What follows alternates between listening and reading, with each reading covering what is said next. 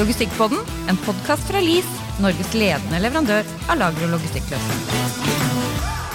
Vi er også i år live fra LIS-dagen. Først ut i år var hun som ble kåret til årets taler i Norge i 2021. Dette var en fantastisk og inspirerende start på dagen. Og vi er selvfølgelig så heldige at hun er med her i podkasten nå, Børge. Ja, og øh, nå har jo uh, vår gjest vært på scenen, og jeg ble veldig inspirert. Skal ta med meg litt sånn hjem i privatlivet òg, tror jeg, og det jeg har hørt i dag. Og, øh, og hun som har vært på scenen i dag, hun er jo da tidligere HR-kommunikasjonsdirektør for kjente selskaper som Coca-Cola og Reitan-gruppen og Bavaria Nordic. Bavaria driver med BMW og Mini og litt sånn Porsche og litt sånn kule biler. Eh, og har også bred erfaring da, både fra HR og kommunikasjonsfaget. Så eh, velkommen til Logistikkpodden, Solfrid Fladeby.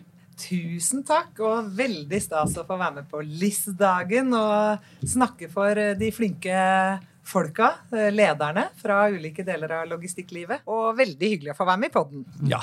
Det var 60 minutter med stillhet der nede. De satt som tente lys.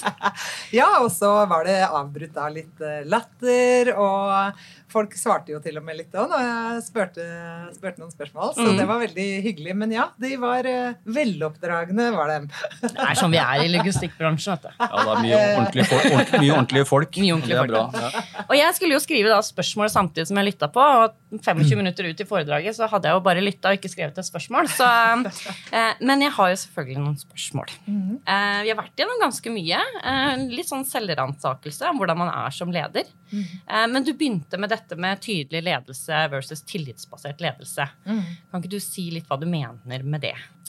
Eh, nei, det finnes veldig god forskning på at tillitsbasert ledelse gir mye større effekt. Og effekt det handler jo om jobbengasjement, motiverte medarbeidere, lavere turnover. Og det handler jo om at vi kanskje definerer målet, det er hit vi skal, men så kan folk være med og bestemme litt, påvirke litt. Men det som er skikkelig vanskelig innenfor logistikk, er jo nettopp at eh, vi er så strukturerte og kontrollbaserte. Mm. Men da gjelder det jo å finne de små mulighetene da, på å inkludere, jobbe med kulturen og få folk til å virkelig føle at de får være med å påvirke. Mm. mm. For kultur er liksom å få være med å påvirke også. fordi det er mange som snakker om kultur, men det sitter jo litt i gangene også i mange selskap, liksom. Mm. Eh, og du hadde jo et godt eksempel om to selskap som glemte kultur. Ja, det var et eksempel fra to store entreprenører som slo seg sammen, og de hadde en fantastisk plan. Den var altså så detaljrik på økonomi, det finansielle, det strukturelle, det organisatoriske. Og så, etter halvannet år, så blei det skilsmisse mellom disse to store selskapene. Og da gikk den ene administrerende ut og sa at det var fordi de rett og slett hadde glemt kultur. Og kultur det er jo noe som eh, lever eh, og er der. Det er ikke bare disse fine verdiordene på veggen. og Det er jo liksom noe med hvem er vi, og hvordan gjør vi det. Mm. Men jeg er veldig opptatt av at man også skal ha gode planer for kultur. Og det er ikke bare en sånn HR-oppgave. Men det er med at lederne tar det ansvaret òg, med å liksom mm. definere litt, gjerne sammen med folka sine hvordan er vi, hvordan vil vi ha det? Hva skal vi gjøre litt mer av? Hva skal vi gjøre litt mindre av, rett og slett? Mm. Mm. For det er ikke bare bowle sammen, liksom. Det, er, det føler jeg er liksom misforstått. Er, vi skal bygge kultur og godt arbeidsmiljø, så vi drar ut og bowler. Mm. Og da kjenner jeg oi, det, det fungerer jo ikke. Nei. Men det, det fungerer litt, det òg, fordi vi veit at det å bygge relasjon, det skjer jo i, veldig mye i liksom litt sånn uformelle settinger. Så vi skal ikke kimse av at noen syns det er fint å spille litt bowling av og til. Men noen tenker tenker jo at liksom det å bygge kultur det er liksom en gang i kvartalet. Da spiller vi bowling eller ljuger og skryter eller uh, tar en øl. Mm. Uh, men det må nok litt mer til enn det. For kulturen handler jo om hvem uh, vi er, og hvordan vi gjør det hos oss. Mm. Og det her med liksom skape ja, skape det miljøet som gjør at folk gleder seg til å komme på jobb. Da. Mm. Det hadde jo vært fantastisk. Tenk om alle hadde gleda seg skikkelig til å komme på lageret om morgenen. Da hadde det blitt andre baller på produktivitet og engasjement, tenker jeg. Da kan du tjene penger, da. Vi må ut og spille bowling vi nå, skjønt det litt oftere. Så, men jeg er enig i det at det bygger relasjoner. Og, man, eh, man, og så er det jo gjerne sånn at man merker på meg sjøl at jo eldre man blir, så får man litt mer sånn eh, forståelse for både livet og, og det med å bygge relasjoner. Men jeg har alltid tenkt på sånn som i, her hos oss i LIS. Eh, jeg er jo personlig veldig glad i måte, både firmaet og bedriften og kulturen og god daglig leder. Eh, som er ekstremt viktig.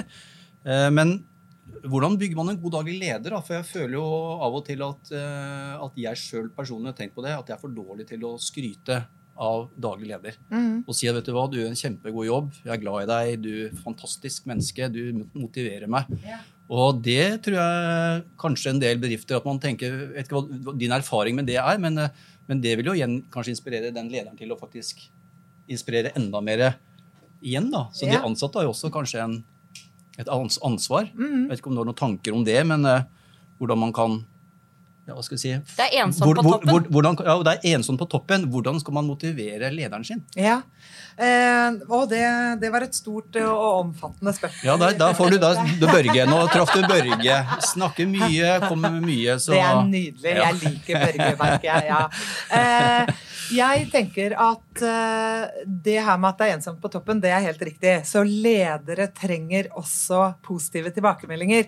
Og alle trenger i utgangspunktet anerkjennelse og positive tilbakemeldinger. Og som jeg sa i foredraget mitt også, 85% av medarbeidere i norske medarbeiderundersøkelser ønsker seg mer positive tilbakemeldinger.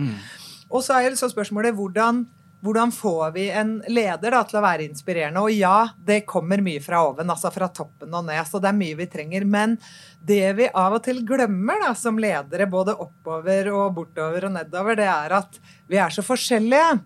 Noen ledere elsker ros og positive tilbakemeldinger.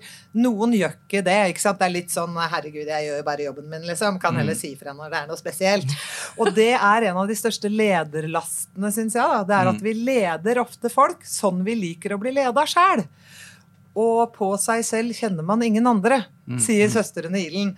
På seg selv kjenner man ingen andre. Det betyr at det er liksom å gå i fella. da. Det er å lede folk sånn du liker å bli leda sjøl, fordi de andre er ikke som deg. da.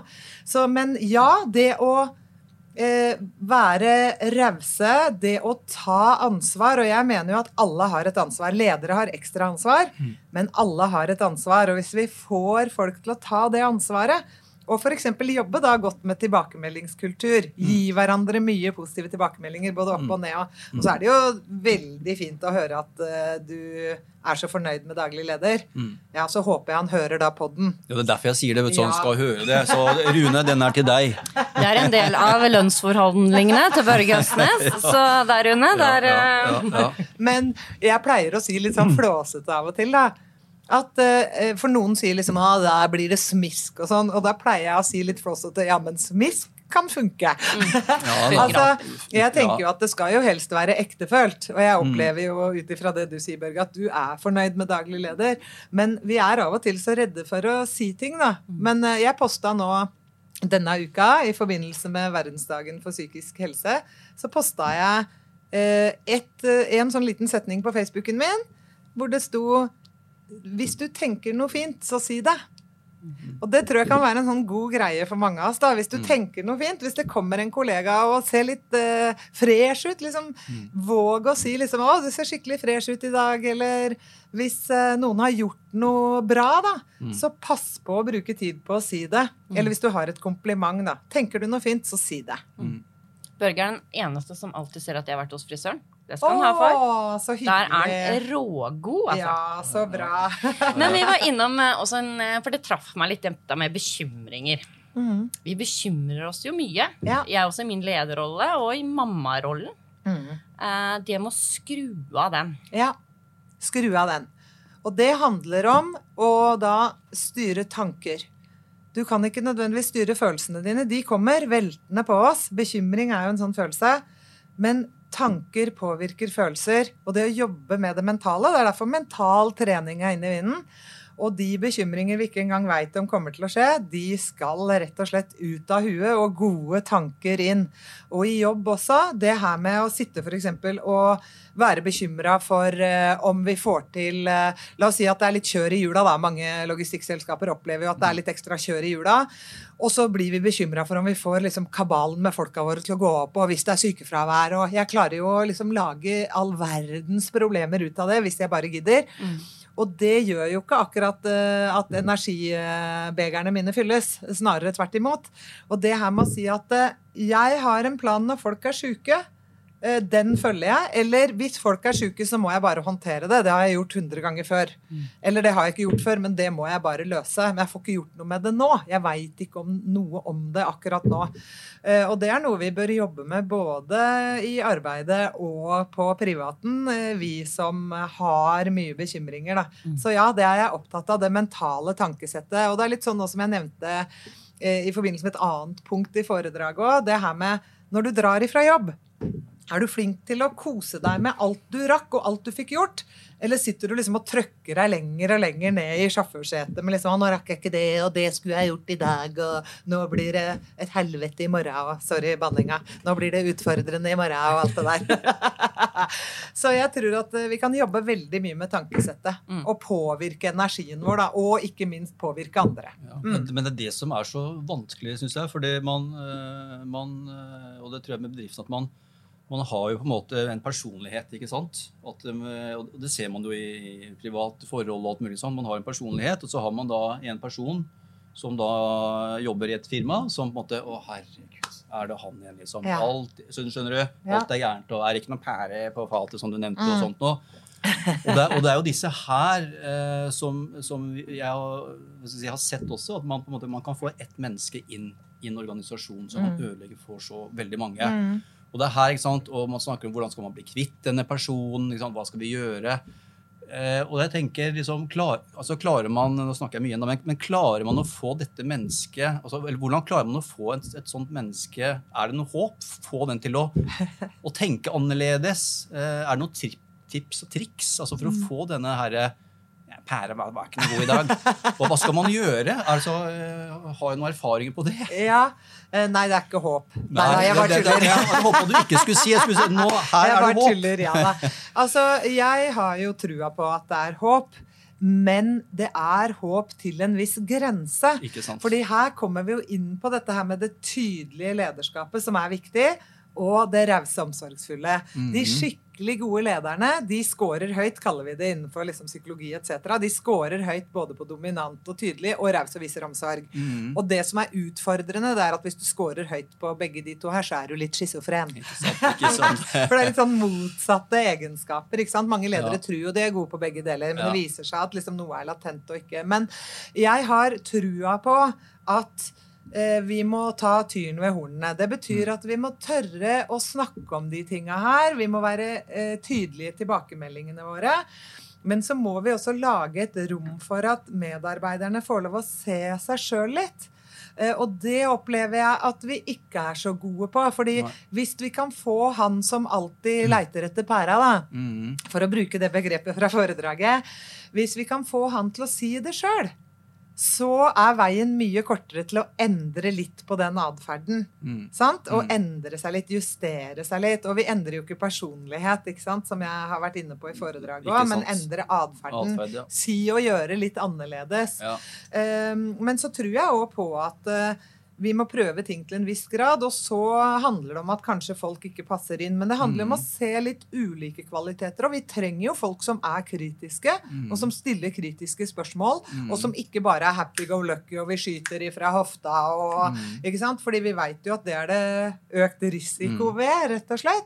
Og ting må gjøres skikkelig. Og så det å kanskje også jobbe litt med liksom, hva, er, hva er det jeg ser ved deg som er styrkende? Hva syns jeg er utfordrende? Mm. Og dette handler jo om liksom, å få medarbeidere med litt på den reisa. Da. Ja, Og det ja. tar litt tid. Mm. Og det er litt av kni, knipa vår. ikke sant? Ja, At å jobbe med sånne ting, det tar litt tid. Det, må, det er en investering, da. Mm. Mm. Kan vi snakke litt om eh, team?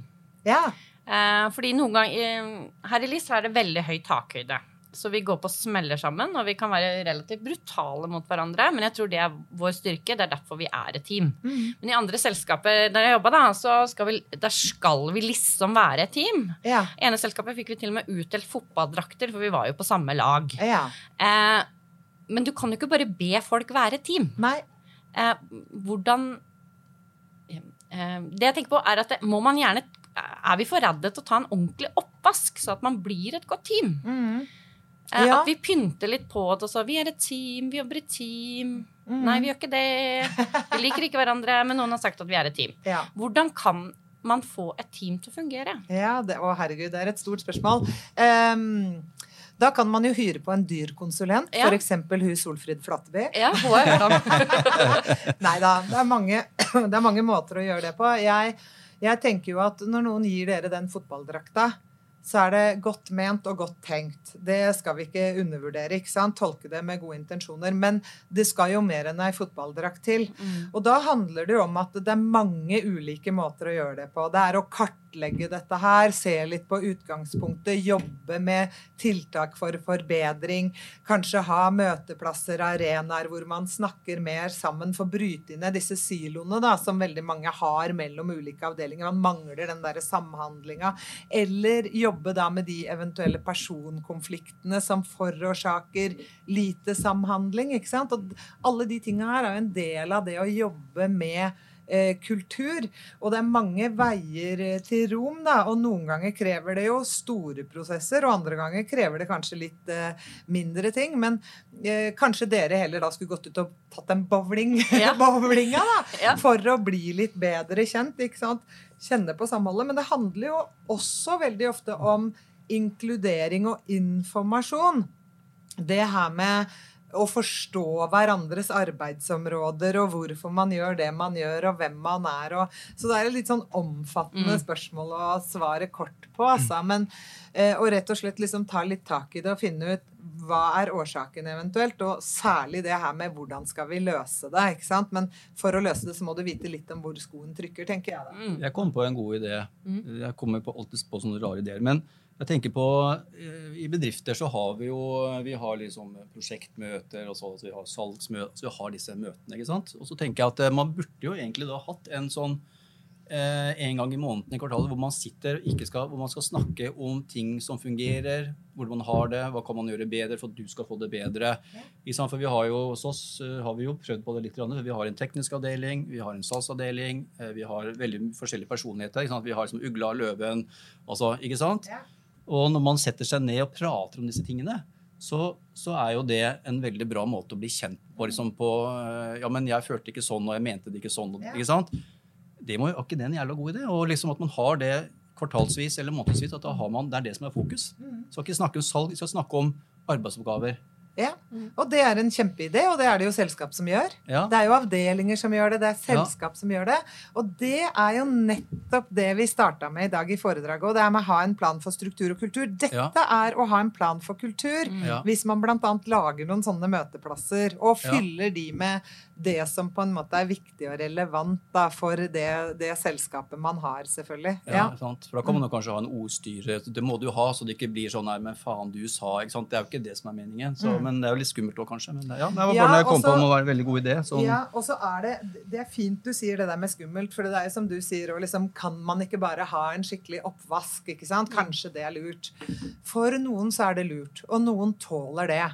Og så er det noen som ikke tåler det like godt, ikke sant? Og det er der vi må se an litt.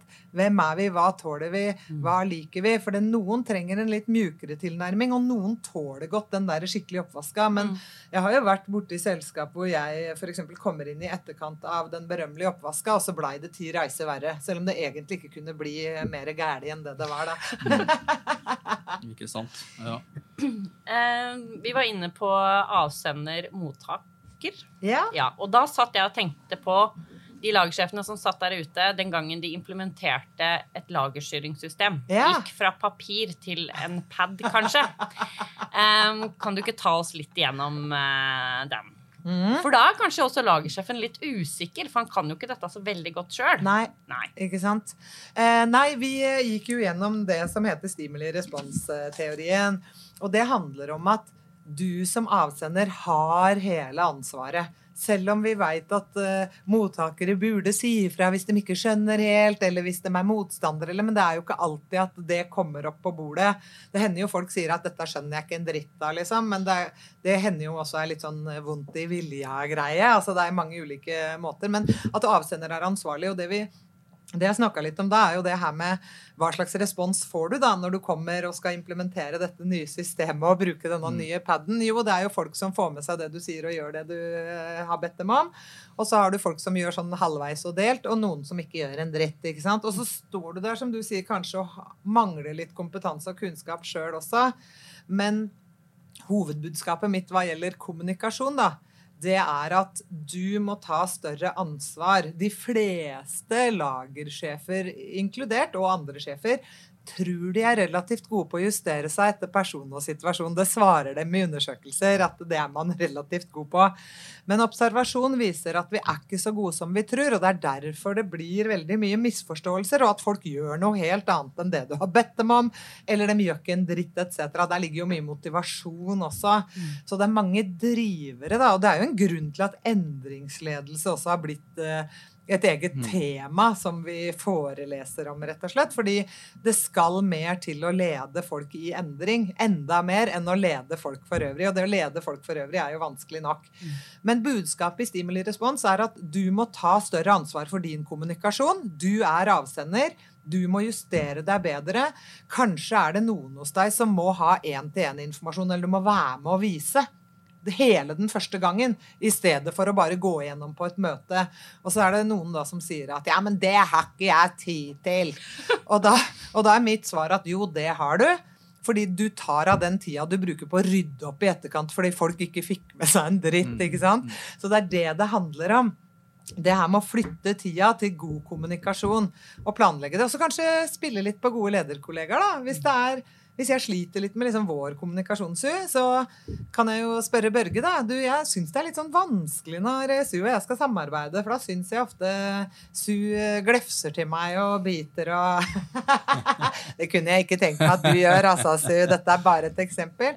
Og så kan kanskje Børge gi meg litt input på hvordan jeg kan gå fram. ikke sant? Det handler om å være en god leder, reflektere over egen kommunikasjon, mm. gjøre litt justeringer, og ikke være så himla redde for at det er litt kleint kleint. For det er vi jo selvfølgelig veldig redde for, at det skal mm. være litt kleint. Mm. Stå i det, da. La mm. det være litt kleint, og så får du heller si beklager etterpå, da, at du var så klein. Det er ikke verre enn det. jeg har uh, mye å gjøre. Den her traff meg, liksom. For jeg ja. også tror jeg er veldig god til å tilpasse kommunikasjonen, men jeg satt og tenkte, så tenkte jeg du er jo ikke det. Nei. du er ikke det det er noe du har forestilt deg selv, mm. men du er ikke bevisst nok på det. Super. Nei, Så bra, da. Da har jeg i hvert fall truffet én person en, en, en, annen ting eh, Det blir litt sånn hopping her på spørsmål, sånn jeg, men, men, vi har jo, som sagt, lytterne her er jo logistikkmennesker og sånt nå, og vi ser jo nå at eh, det bygges mye lager. Og så mm. når vi kommer til Vestby, f.eks., så er det liksom ikke et lager på 1000 kvadratmeter. Det er 20 000 kvadrat, det er 30 000 kvadrat. Du skal ha så mange ansatte. Mm. Eh, spørsmålet er hvor viktig er lønn slash kontra kultur og trivsel, tror du? Eller er det noe forskning som viser noe om dette her? Mm. Nei, man sier jo at uh, lønn uh, er ikke avgjørende. Men vi veit jo at folk er opptatt opptatt av lønn, og at det er mm. lønn man liksom gnåler mye om. Mm. Men lønn er en hygienefaktor, nærmest. ikke sant? Det må mm. være på linje med andre steder, det jeg kan få andre steder. Mm. Det må være sånn at jeg er sånn tålelig fornøyd. Men kultur trumfer lønn i mm. utgangspunktet, mm. men ikke trumfer i form av at da kan du lønne dritlavt, liksom, hvis du bare har bra kultur. Ja, så det er jo en uh, modifisering der. Men uh, det her med kultur, det veit vi jo gjør at folk blir lenger. De er mindre syke, de har høyere jobbengasjement. Det finnes mm. det utallige undersøkelser på. Og det det handler om, det er jo at når jeg føler meg verdsatt og sett, Mm -hmm. Og når det er sånn at jeg gleder meg litt til å komme tilbake på jobb etter ferien Det har vært digg med ferie, men jeg gleder meg litt. Se kollegaer igjen og mm. gleder meg til julebordet, liksom. Så veit vi jo at det påvirker, ikke sant? Fordi mm. det er å være en del av flokken. Det å være en del av det vi skaper og får til sammen. Mm. Og vi er mer rusta da òg for å håndtere nedgangstider når det går litt tråere. Da står vi sammen, skulder ved skulder, med eller uten den fotballdrakta, selvfølgelig. da. Mm. Men at vi liksom er en del av den sterke flokken, da. Mm. Eh, så kultur trumfer lønn i høy grad, men det må være på et eh, akseptabelt nivå, da. Ja, da. Og det er ofte det Jeg tror ofte at frustrasjon kommer til utløp ved gnål om lønn, da. Mm. For det er det som på en måte er lettest å gnåle om, da. Mm. Ja. ja. Og, og, eh, og, klart at kultur er jo Og det trenger jo det er liksom Kultur kan jo på en måte ikke fake heller, da. Ikke sant? Og det er jo veldig vanskelig. Men jeg tror jo for altså, de lytterne som sitter her og kanskje har mange ansatte, så så tror jeg at lønningene er ganske lik i den logistikkbiten. Altså, du jobber på et lager, så altså, det er ikke sånn at ja, han tjener 500 000, og der tjener 900 000. Og tjener, sånn er det ikke. Ikke? Så det er ganske små forskjeller. Og, og, og egentlig liksom overraska at man ikke har mer, jobber mer med kultur. da. Ja. Og det kan jo også være at liksom, det er det gratis kaffe, det er et brusskap, det er sånn. Altså sette på ting som koster. Men ved å gjøre de tingene der, så hadde du kanskje fått tre-fire stykker som ikke hadde slutta nye. Og det koster deg jo enda mer. Er. Så det å lage et regnestykke på dette her, det hadde jo også vært interessant. Og på en måte faktisk se hvor, om bedriftene altså i løpet av et år, hvor mye har vi brukt på rekruttering, hvor mange har slutta, ding, ding, ding. Mm. Og så ser vi hvor mye har det kosta. Ok, nå skal vi bruke to millioner i år bare på kultur. Ikke sant? Og jeg tror at eh, flere burde ha regna litt på det. Mm. Eh, og en del har jo begynt å regne på de siste åra, bl.a. kostnadene ved å få ned sykefraværet. Ja. Og det er jo egentlig litt av samme greia. Det er jo det. Hva koster turnover oss? Mm. Det å rekruttere en ny, miste en eh, god medarbeider. Hva koster det oss egentlig? Mm. Og jeg er helt enig med deg. De penga kan vi bl.a. putte inn i kultur i stedet, for å Ja. liksom skape den gode arbeidsplassen. Da. Ja. Og der ligger logistikk litt bakpå, da, hvis jeg kan være så frekk å si det. Kjør på. Ja, er det er jo noen bransjer som eh, ligger foran, og noen Mm. ligger litt bakpå. Og jeg tror at uh, innenfor logistikk da, så har det jo tradisjon tro vært at man jobber seg liksom oppover. Man får ikke noe lederopplæring, blant annet. Du blir bare putta inn som leder da, på lageret, etter Mm. at du sjøl har vært en flink medarbeider. Og da gjør man jo så godt man kan. Det er jo det folk eh, gjør. Men da undervurderer man også betydningen av godt lederskap. For det godt lederskap handler jo om å ha litt ulike verktøy og metoder som man kan spille på, og som man kan bruke. For de fleste av oss er jo ikke sånn at dette veit vi helt av sjøl. Ledelse er jo et fag. Så det er òg en sånn sterk oppmuntring eh, fra meg til eh, ledere i logistikk. Da. Det her å velge å satse på lederne sine, kjøre litt uh, mer utvikling, og da ikke sånne eh, dyre kursholdere som kommer og prater vrøvl om teorier og det ene og det andre. Da kan du kjøpe en bok liksom, og gi til jul. Men det å få helt konkrete verktøy, sånn gjør du da. Når du sliter med en medarbeider, så gjør du dette, dette og dette. Og hvis det ikke funker, så gjør du dette. Det er det lederne trenger. Det er der de trenger hjelp. da. Der skoen trykker hos dem. Mm. Eh, før vi avslutter, så må vi i hvert fall innom eh, en setning som henger litt i lufta hos meg. Som jeg ble egentlig veldig glad i. Hvilken effekt har du på andre? Ja. Jeg også har ikke Noen ganger når jeg kommer inn døra, så er det ikke den happy soon. Eh, jeg ser vel ut som jeg har blitt dratt til, liksom. Men, ja. vil, Det tror jeg ikke, men men hvilken effekt har jeg på andre? mm. Den der, den, den, jeg kjente jeg fikk litt sånn gåsehud av den. Mm. Det er eh, et kjempeviktig spørsmål. Og jeg jobber jo med ledere som av og til tar fem minutter ekstra i bilen før de går inn om morgenen. Fordi de må dra seg sjøl litt opp før de går inn. Nettopp fordi de veit at den effekten de har på andre, hvis de går inn med det moodet de er i, den er uheldig. Og det handler jo om øyekontakten, det lille smilet, heiet, eh, og det å være et forbilde i forhold til å skape da den gode effekten på andre. At man ønsker å påvirke andre på en god måte og være kulturbæreren. For det er det ledere er. De bærer kulturen på skuldrene, da. Så atferden der er helt avgjørende. Mm. Men jeg er jo menneskesky. jeg ser jo når du kommer inn og har liksom Nå har det vært, nå har det skjedd noe her, eller, og det ser jeg på, på meg sikkert, og på Rune òg, liksom. Men da kan man jo si altså Altså, eh, Gretten, nå, eller så man kan slenge litt sånn, og det er jo lov her, heldigvis. Og, Heldigvis er da, og da blir man jo gjerne liksom litt glad av å høre det. Og da kan jeg også si til deg ikke snakk til meg nå, Børge. Ikke- Og så går vi videre. Ja. Og dere, som dere sier, har jo så høy takhøyde, og det er det som er behagelig. Og det er lov å ha litt dårlige dager. Vi må huske på det. Som jeg sa i foredraget, livet er ikke bare rosabriller og rosenrødt, og vi skal stille kritiske spørsmål og gi hverandre tilbakemeldinger og Men på det jevne, hvor er vi, ikke sant? Jo, da må vi være gode ledere, rause ledere. Vi må være de virkelig gode forbildene som har riktig effekt på medarbeiderne våre. Det er da vi kan nå de forretningsmessige måla våre enklere og kjappere. Det var en god avslutning. Det var en god avslutning. Absolutt. Ehm, mange vet at jeg har eh, Øystein eh, Pølsa sin eh, hvor god er du når ingen ser deg på veggen på hjemmekontoret. I dag har jeg fått en ny. Den skal jeg ikke røpe. Vi har fått 6,5 tips av Solfrid Flateby. Vil du ha 6,5 tips, så anbefaler jeg deg å booke Solfrid Flateby.